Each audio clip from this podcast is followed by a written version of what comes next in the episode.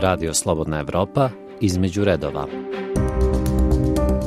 Ana Brnabić nastavlja još jedan mandat na čelu vlade Srbije kao premijerka u senci predsednika države Aleksandra Vučića. U drugom mandatu, na prvom mestu, biće joj, u sobstvenom priznanju, bezbednost Vučića i Republike Srbije.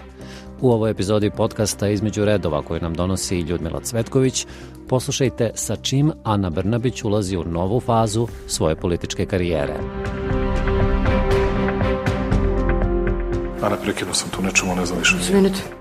U političkom sistemu Srbije predsednik vlade moćnija je figura od predsednika države, ali premijer Kana Brnabić svojevoljno je prihvatila podređenu ulogu u odnosu na predsednika Aleksandra Vučića, tako da beležimo i situacije kada mu se, kao u ovom slučaju, izvinjava što je on nju prekinuo ili kada ga, kako je otkrio sam Vučić, oslovljava sa šefe. Da sam zamolio Anu Brnabić da uredbu koju je donela da je ukine vlada i ona je zaista bila fair. Ona se nije slagala sa mojim mišljenjem. Ona je rekla, ali šefe,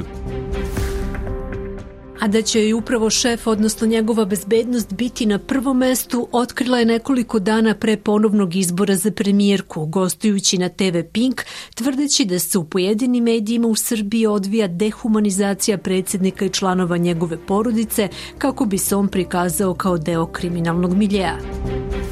Ja moram da sačuvam Aleksandra Vučića i moram da sačuvam bezbednost Republike Srbije. I ako treba više vremena da posvetim tome nego radu na rezultatima, verujte, posvetit ću. Zato što bez Aleksandra Vučića ova Srbija ne može biti tako jaka, ne može biti tako stabilna, ne može biti tako bezbedna i ne može ekonomski napredovati. Hteli vi to da čujete ili ne, tako je. Prema Ustavu Srbije vlada je nosilac izvršne vlasti dok predsednik države, iako imenuje mandatara, ne može da se meša u rad vlade. Međutim, u praksi premijerka Brnabić je u senci predsednika Vučića koji donosi ključne odluke, pozivajući se na to da je bio nosilac izborne liste koja osvaja većinu na izborima, na junskim parlamentarnim izborima čak više od dve trećine mandata. Tako Vučić nije ni krio da su ključne ideje u sastavu nove vlade bile njegove, poput rotacije ministra ministar unutrašnjih poslova i odbrane Nebojša Stefanovića i Aleksandra Vulina. Nije Ana to predložila, ja sam predložio. I kao što sam predložio i za Zoranu, kao što sam predložio neke druge stvari. Ana je predložila neke druge stvari, znate, mi razgovaramo i dogovaramo se. Nije međutim otkrio šta je to što je mandatarka predložila, koja je zapravo nadležna za predlaganje kandidata za ministre. Ana Brnabić nije prvi premijer u senci predsednika države i umesto Mirka Cvetkovića, koji je bio premijer za vreme vlasti demokratske stranke, predsednik države i lider demokrata Boris Tadić bio je ključna figura u državnom vrhu. Međutim, čini se da je sada mnogo izraženije i vidljivije da premijerka ne koristi ustavne nadležnosti koje su joj na raspolaganju. Naravno da se savetujem sa predsednikom Vučićem. Bilo bi potpuno neodgovorno da se ne savetujem sa čovekom koji je započeo važne reforme i koji je vodio vladu Srbije pre mene. Da ne pominjem da je on i predsednik najjače političke stranke koja ima većinu u Skupštini i koja mi je dala mandat da vodim vladu. Ali ja se savetujem sa njim samo o strateški važnim pitanjima, a nikako o svakodnevnom funkcionisanju. Što se tiče toga da li sam fikus ili ikebana, ne obazirem se na to i takve stvari me ne interesuju. Dok god Srbija ide napred, mogu da me zovu kako god žele. Rekla je Brnabić za list večernje novosti u oktobru 2017. nakon prvih 100 dana vlade, a u junu ove godine pred parlamentarne izbore u intervju za Blic je rekla Tim ljudima kojima smeta što mnogo puta pomenem Aleksandra Vučića, smeta istina.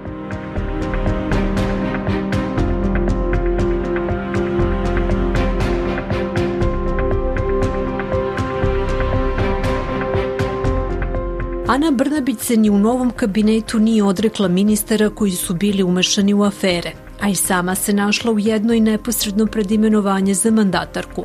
Optužbe koje je iznela podpredsednica opozicione stranke Slobode i pravde Marinika Tepić, Brnabić je kvalifikovala napadom na stranog investitora. Da je samo od EPS-a firma rođenog brata premijerke Ane Brnabić, Igora Brnabića, firma Aseko u poslednje dve godine od kada je ona premijerka dobila više od 20 miliona evra novca građana za razne usluge. Znači, samo od EPS-a 20, ukupno više od 40 miliona evra.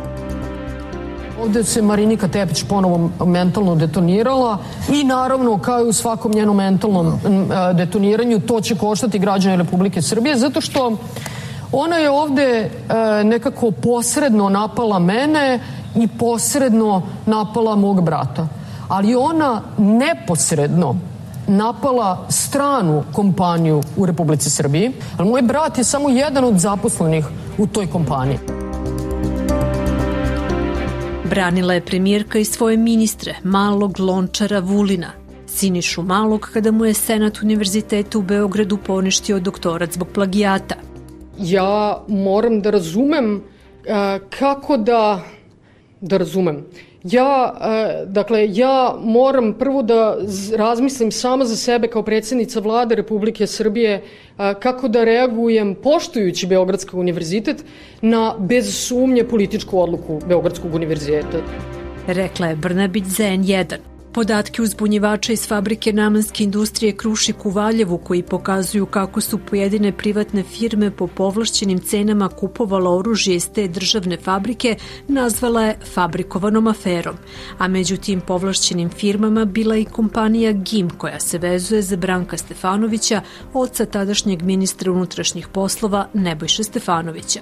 Dok je namenska industrija bila na nogama, nije ni bilo afera. Vi toliko afera produkujete da ne samo što mi više ne možemo da odgovorimo na njih i zaista ja ću savjetovati mojim ministrima da više ne odgovaraju nego na svaku aferu koju vi produkujete da mi odgovorimo jednim rezultatom koji smo mi isporučili građanima Srbije.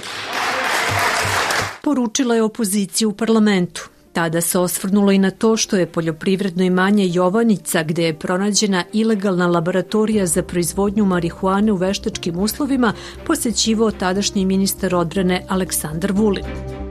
Svoje vremeno je tamo bio Aleksandar Vulin je posetio. Pa svoje vremeno je tamo bilo i Panonsko more. Pa šta sad to tačno znači? Nije je predstavljalo problem ni to što isti ministar nije dao uverljivo objašnjenje odakle mu 200.000 evra za kupovinu stana u centru Beograda. Vulin je tada rekao da su novac za stan on i supruga pozajmili od suprugine tetke iz Kanade, a da je on u zemlju unosio 9.000 po 9.000 evra.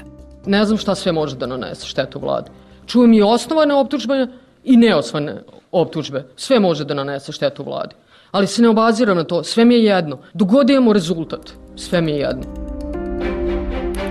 Nisu ju uznemirili ni navodi bivšeg načelnika uprave kriminalističke policije Rodoljuba Milovića da se ministar zdravlja Zlatibor Lončar pojavljuje u predmetu Zemunci, pripadnici Zemunskog kriminalnog klana i u slučaju Šarić, postupak za šverc kokaina. Svaku tvrdnju bilo koje osobe, ova osoba je u ovom trenutku penzioner, treba da menja ministre ja verujem u institucije. Kada institucije meni daju takvu informaciju, ja ću reagovati. Upravo osvrćući se na afere, politikolog Duško Radosavljević ocenjuje ZRS da je najveći uspeh vlade Ane Brnabić to što je izgurala ceo mandat. I ovde nema odgovornosti ni prema biračima, ni prema parlamentu, osim prema predsjedniku partije koji je gospodar. E, u toj situaciji uspehe sve četiri godine preživeti, jer mi imamo jedan sirovito gospodara. Nikad ne znamo e, šta će mu se desiti, da će nekog ostaviti na klupi za rezane igrače ili, ili će ga dalje šlepati.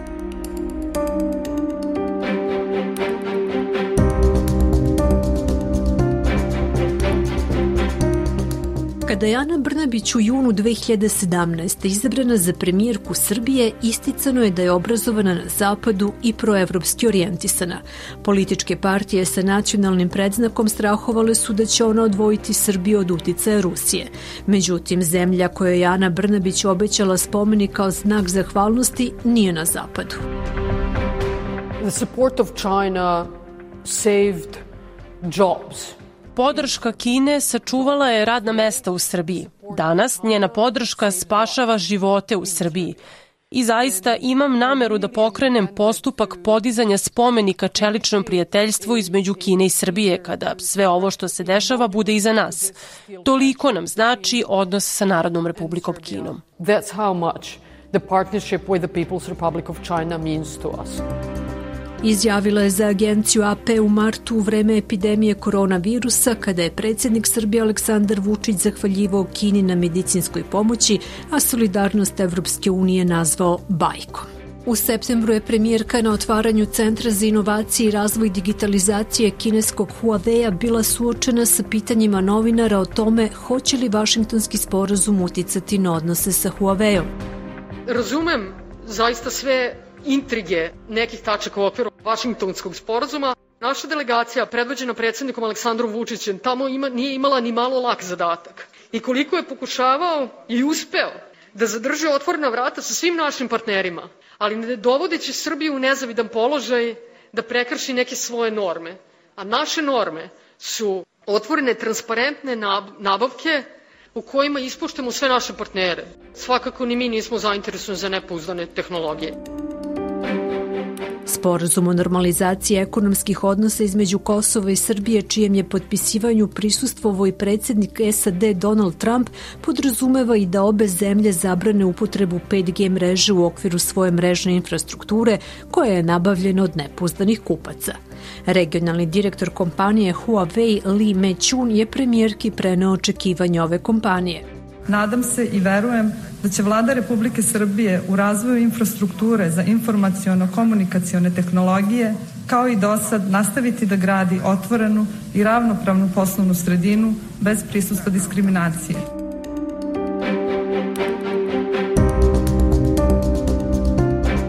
Kada se letos Beograd u okviru sinhronizacije sa spoljnom politikom Evropske unije pridružio deklaraciji Evropske unije o Belorusiji u kojoj se navodi da izbori nisu bili ni slobodni ni fair, premijerka Brnabić je izjavila da se nada da beloruski predsednik Aleksandar Lukašenko neće zameriti. Predsednik Lukašenko je bio u Srbiji jedini državnik koji je došao u vreme bombardovanja. Mi smo se pridružili toj deklaraciji, ali to svakako ne znači da se naš odnos, moj lično kao predsednice vlade, prema svemu onome što je predsednik Lukašenko pokazao prema Srbiji kao prijateljstvo, bilo kako menja. Međutim, kada je u pitanju Rusija, Srbija nije sledila politiku Evropske unije i nije uvela toj zemlji sankcije zbog ruske aneksije ukrajinskog poluostrava Krim. Nakon posete predsednika Rusije Vladimira Putina Beogradu u januaru 2019. gde mu ispred hrama Svetog Save priređen spektakularan doček, premijerka je rekla da to ne može biti prepreka evropskim integracijama Srbije. Vodimo u potpunosti transparentnu i iskrenu spoljnu politiku. Brisel zna naravno za naše i tradicionalno dobre veze i ekonomski dobre veze sa Ruskom federacijom, kao što Moskva zna da su aspiracije Srbije u Evropskoj uniji. Na samom početku njenog prvog mandata Brnabić je tadašnjem ambasadoru Rusije u Beogradu Aleksandru Čepurinu predala stenogram svog intervjua američkoj novinskoj agenciji Bloomberg da bi ga uverila da je pogrešno interpretirana. Reč je bila o izjavi da bi se Srbija, ukoliko bude primorena da bira između članstva u Evropskoj uniji bližih veze sa Rusijom, odlučila za ovo prvo. Nakon toga je za Blic izjavila – Dala sam stenogram razgovora zato što je važno zadržati kontinuitet da predsednik vlade bude otvoren i iskren prema svakom svom partneru. Nisam se pravdala. U poslednje vreme ipak je primetno približavanje Srbije administraciji Sjedinjenih država, naročito nakon potpisivanja Vašingtonskog sporazuma i angažovanja američkog predsednika Donalda Trumpa i njegovog izaslanika za dijalog Beograda i Prištine Richarda Grenela u postizanju dogovora između Srbije i Kosova.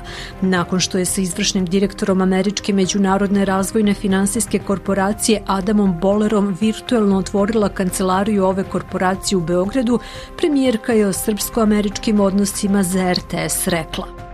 Jedna rečenica koja opisuje sve ovo, to je nova era u odnosima Sjedinjih američkih država i Republike Srbije. Mislim da to zaista na kraju krajeva najbolje sumira i sporazum u Vašingtonu koji je tako jako, jako, jako dobro ispregovarao predsednik Vučić i naša delegacija i čega vidimo danas sada prve konkretne koristi za građane Republike Srbije, za privredu Republike Vlada Srbije biće proevropska, zdravlje građana biće njen prvi cilj, a Kosovo najveći politički izazov, rekla je Ana Brnabić u Skupštini tokom izlaganja prioriteta i programa vlade. U novom mandatu vladi u Skupštini jedinu opoziciju predstavlja poslanička grupa Ujedinjena dolina SDA Sanđaka sa šest poslanika. Pozivam gospođe Brnobić da zajedno posetimo Batajnicu, gde se nalaze civilne žrtve za koje i danas ponavljate da su vaši građani. Budite drugačiji od vaših šefova. Izvolite, gospođo Brnović, pogledajte sami Batajnicu, Perućac, Petrovo selo i Rudnice.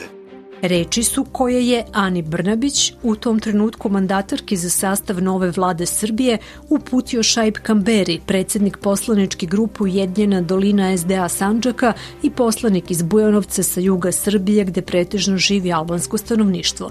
Brnabić je uzvratila. I kada pričate o žrtvama, onda je valjda u redu da pričate i o srpskim i o albanskim žrtvama. Pričajte o žutoj kući. Takav monstruozan zločin nije viđen. Ja, gospodine narodni poslaniče, pričam i o srpskim i o albanskim žrtvama. I o svim drugim žrtvama. Premijerki Brnabić je u maju 2019. bio zabranjen ulazak na Kosovo nakon što je izjavila da u pregovorima sa Kosovom Beograd ima posla sa ljudima koji su izašli iz šume. Imate posla sa racionalnim ljudima, sa najgorom vrstom populista, sa ljudima, mislim, koji jesu i bukvalno izašli iz šume.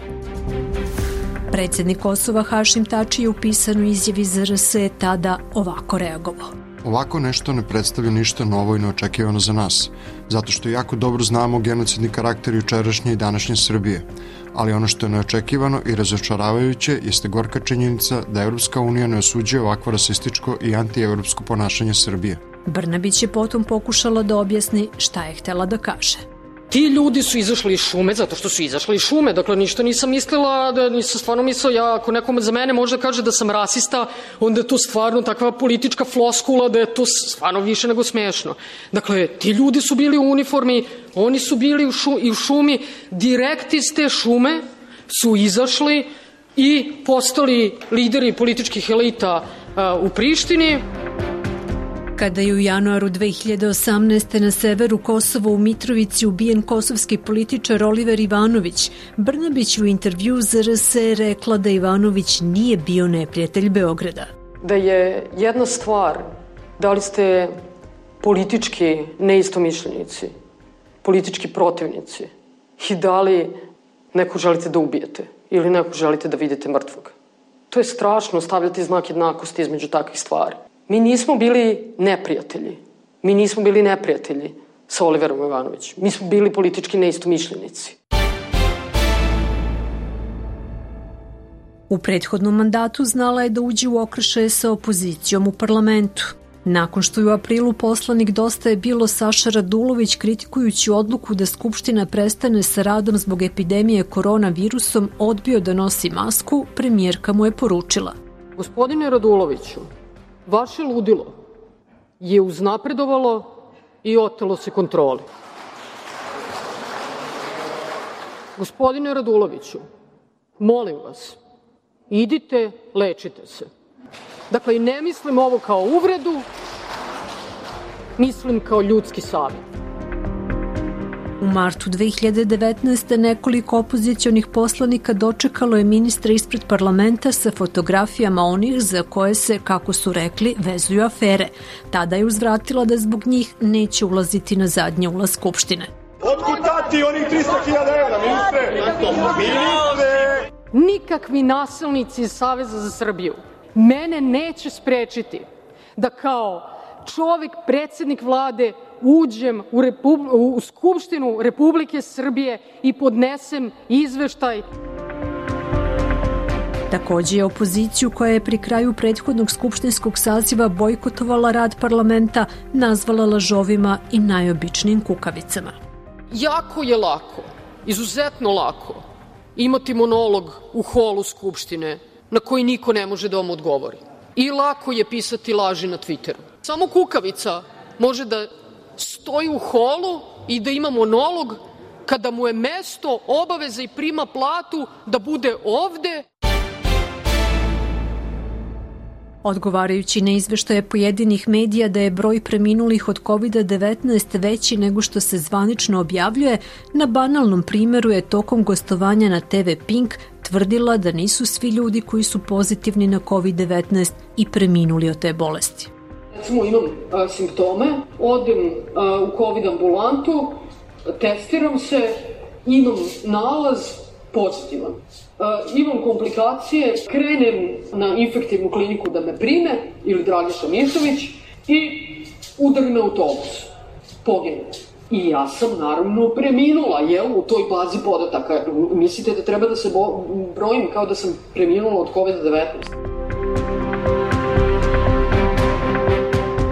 Maju je nakon pisanja RSE da je Ministarstvo odbrane raspisalo javnu nabavku za kupovinu 2,5 tone žilet žice za ograđivanje centara za azil i migranskih centara, pretpostavila da se radi o našem slobodnom tumačenju razloga nabavke a oni su onda pretpostavili da je, zašto je, ra, znači, koji je razlog. Znači, te žice neće biti korišćene za migranske centre? Ja, ja zaista ne znam u ovom trenutku da će biti korišćene za migranske centre, tako da Koji bi drugi povod mogao da bude? Zaista ne, moram da proverim sa ministarstvom odbrane, ali možete pitati ministarstvo odbrane.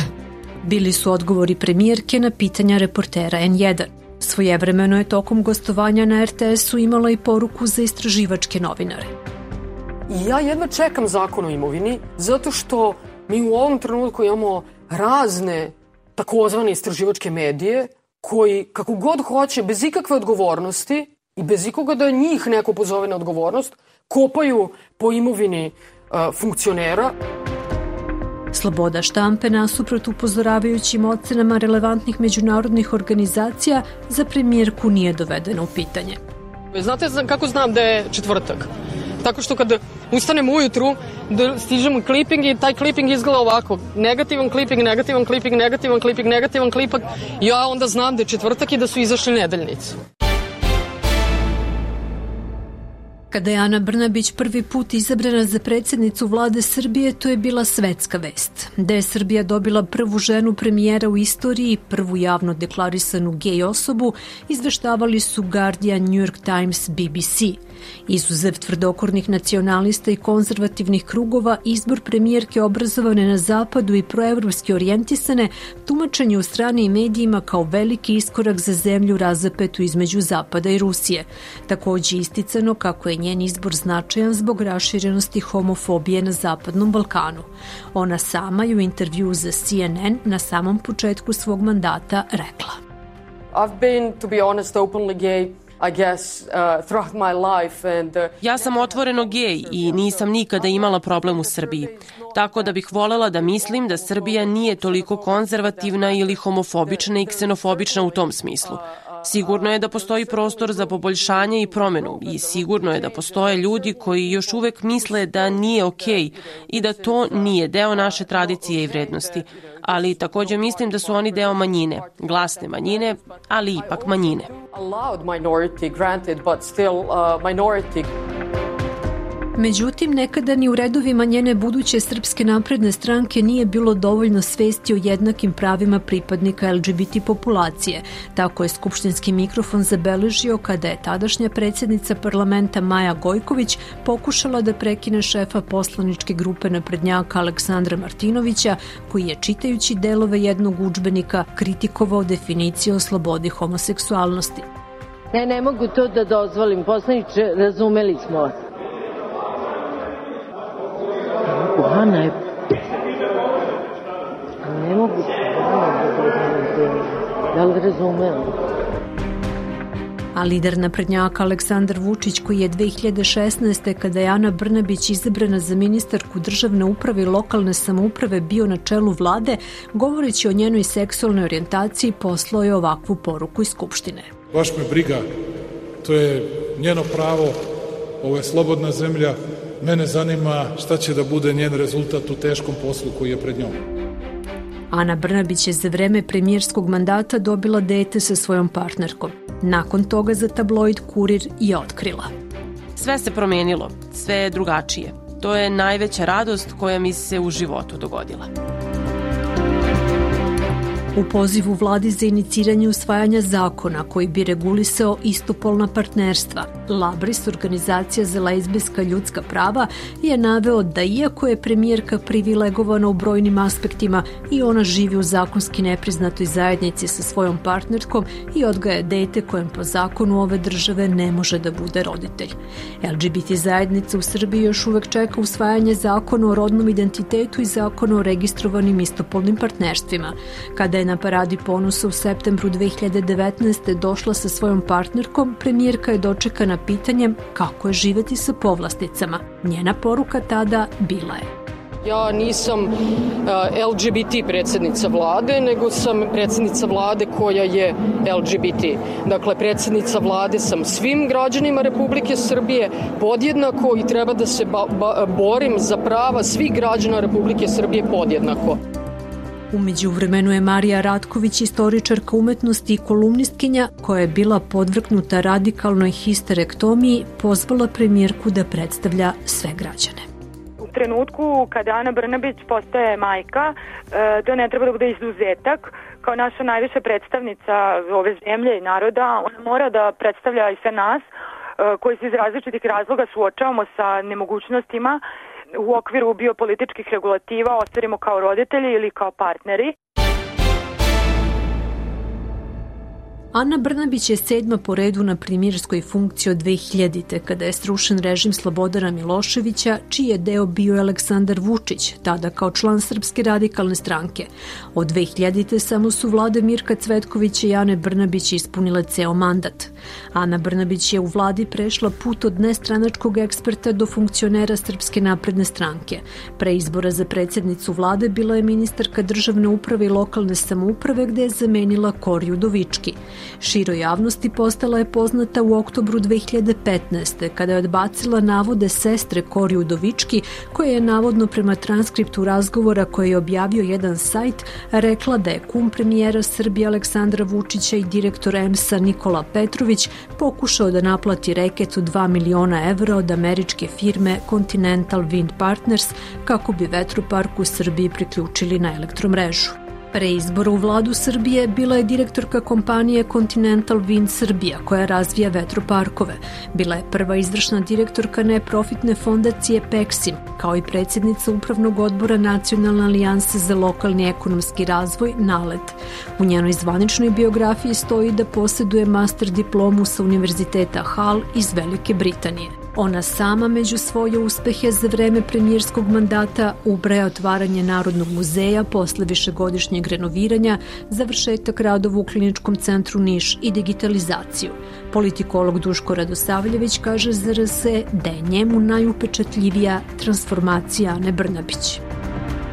E, vremena ona sve više postajala e, umesto mnogobrojnih e, kvalifikovanih izvođača rada, ona se više postajala megafon advokat ili kako god hoćete pretorijanac e, predsjednika Republike, odnosno predsjednika partije svoje i pokazalo se da ona ima zavidan dar, e, cinizam, brutalnost i efikasnost u obračunu sa, sa drugom mislećim ljudima.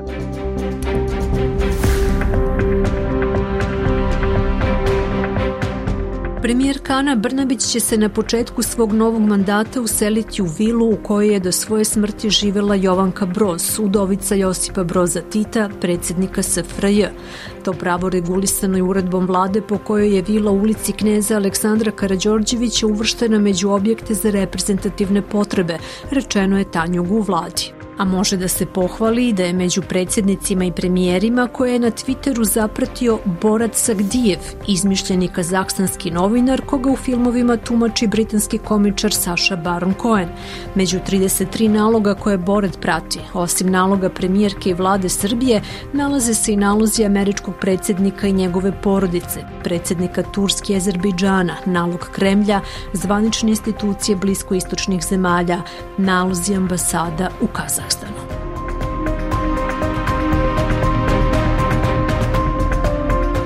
Slušali ste Između redova podcast Radija Slobodna Evropa. Prethodne epizode pronađite na našem sajtu slobodnaevropa.org i na podcast aplikacijama iTunesu, Google i Spotify-u. Sa vama svakog meseca vraćamo se u prošlost kako bi razumeli sadašnjost.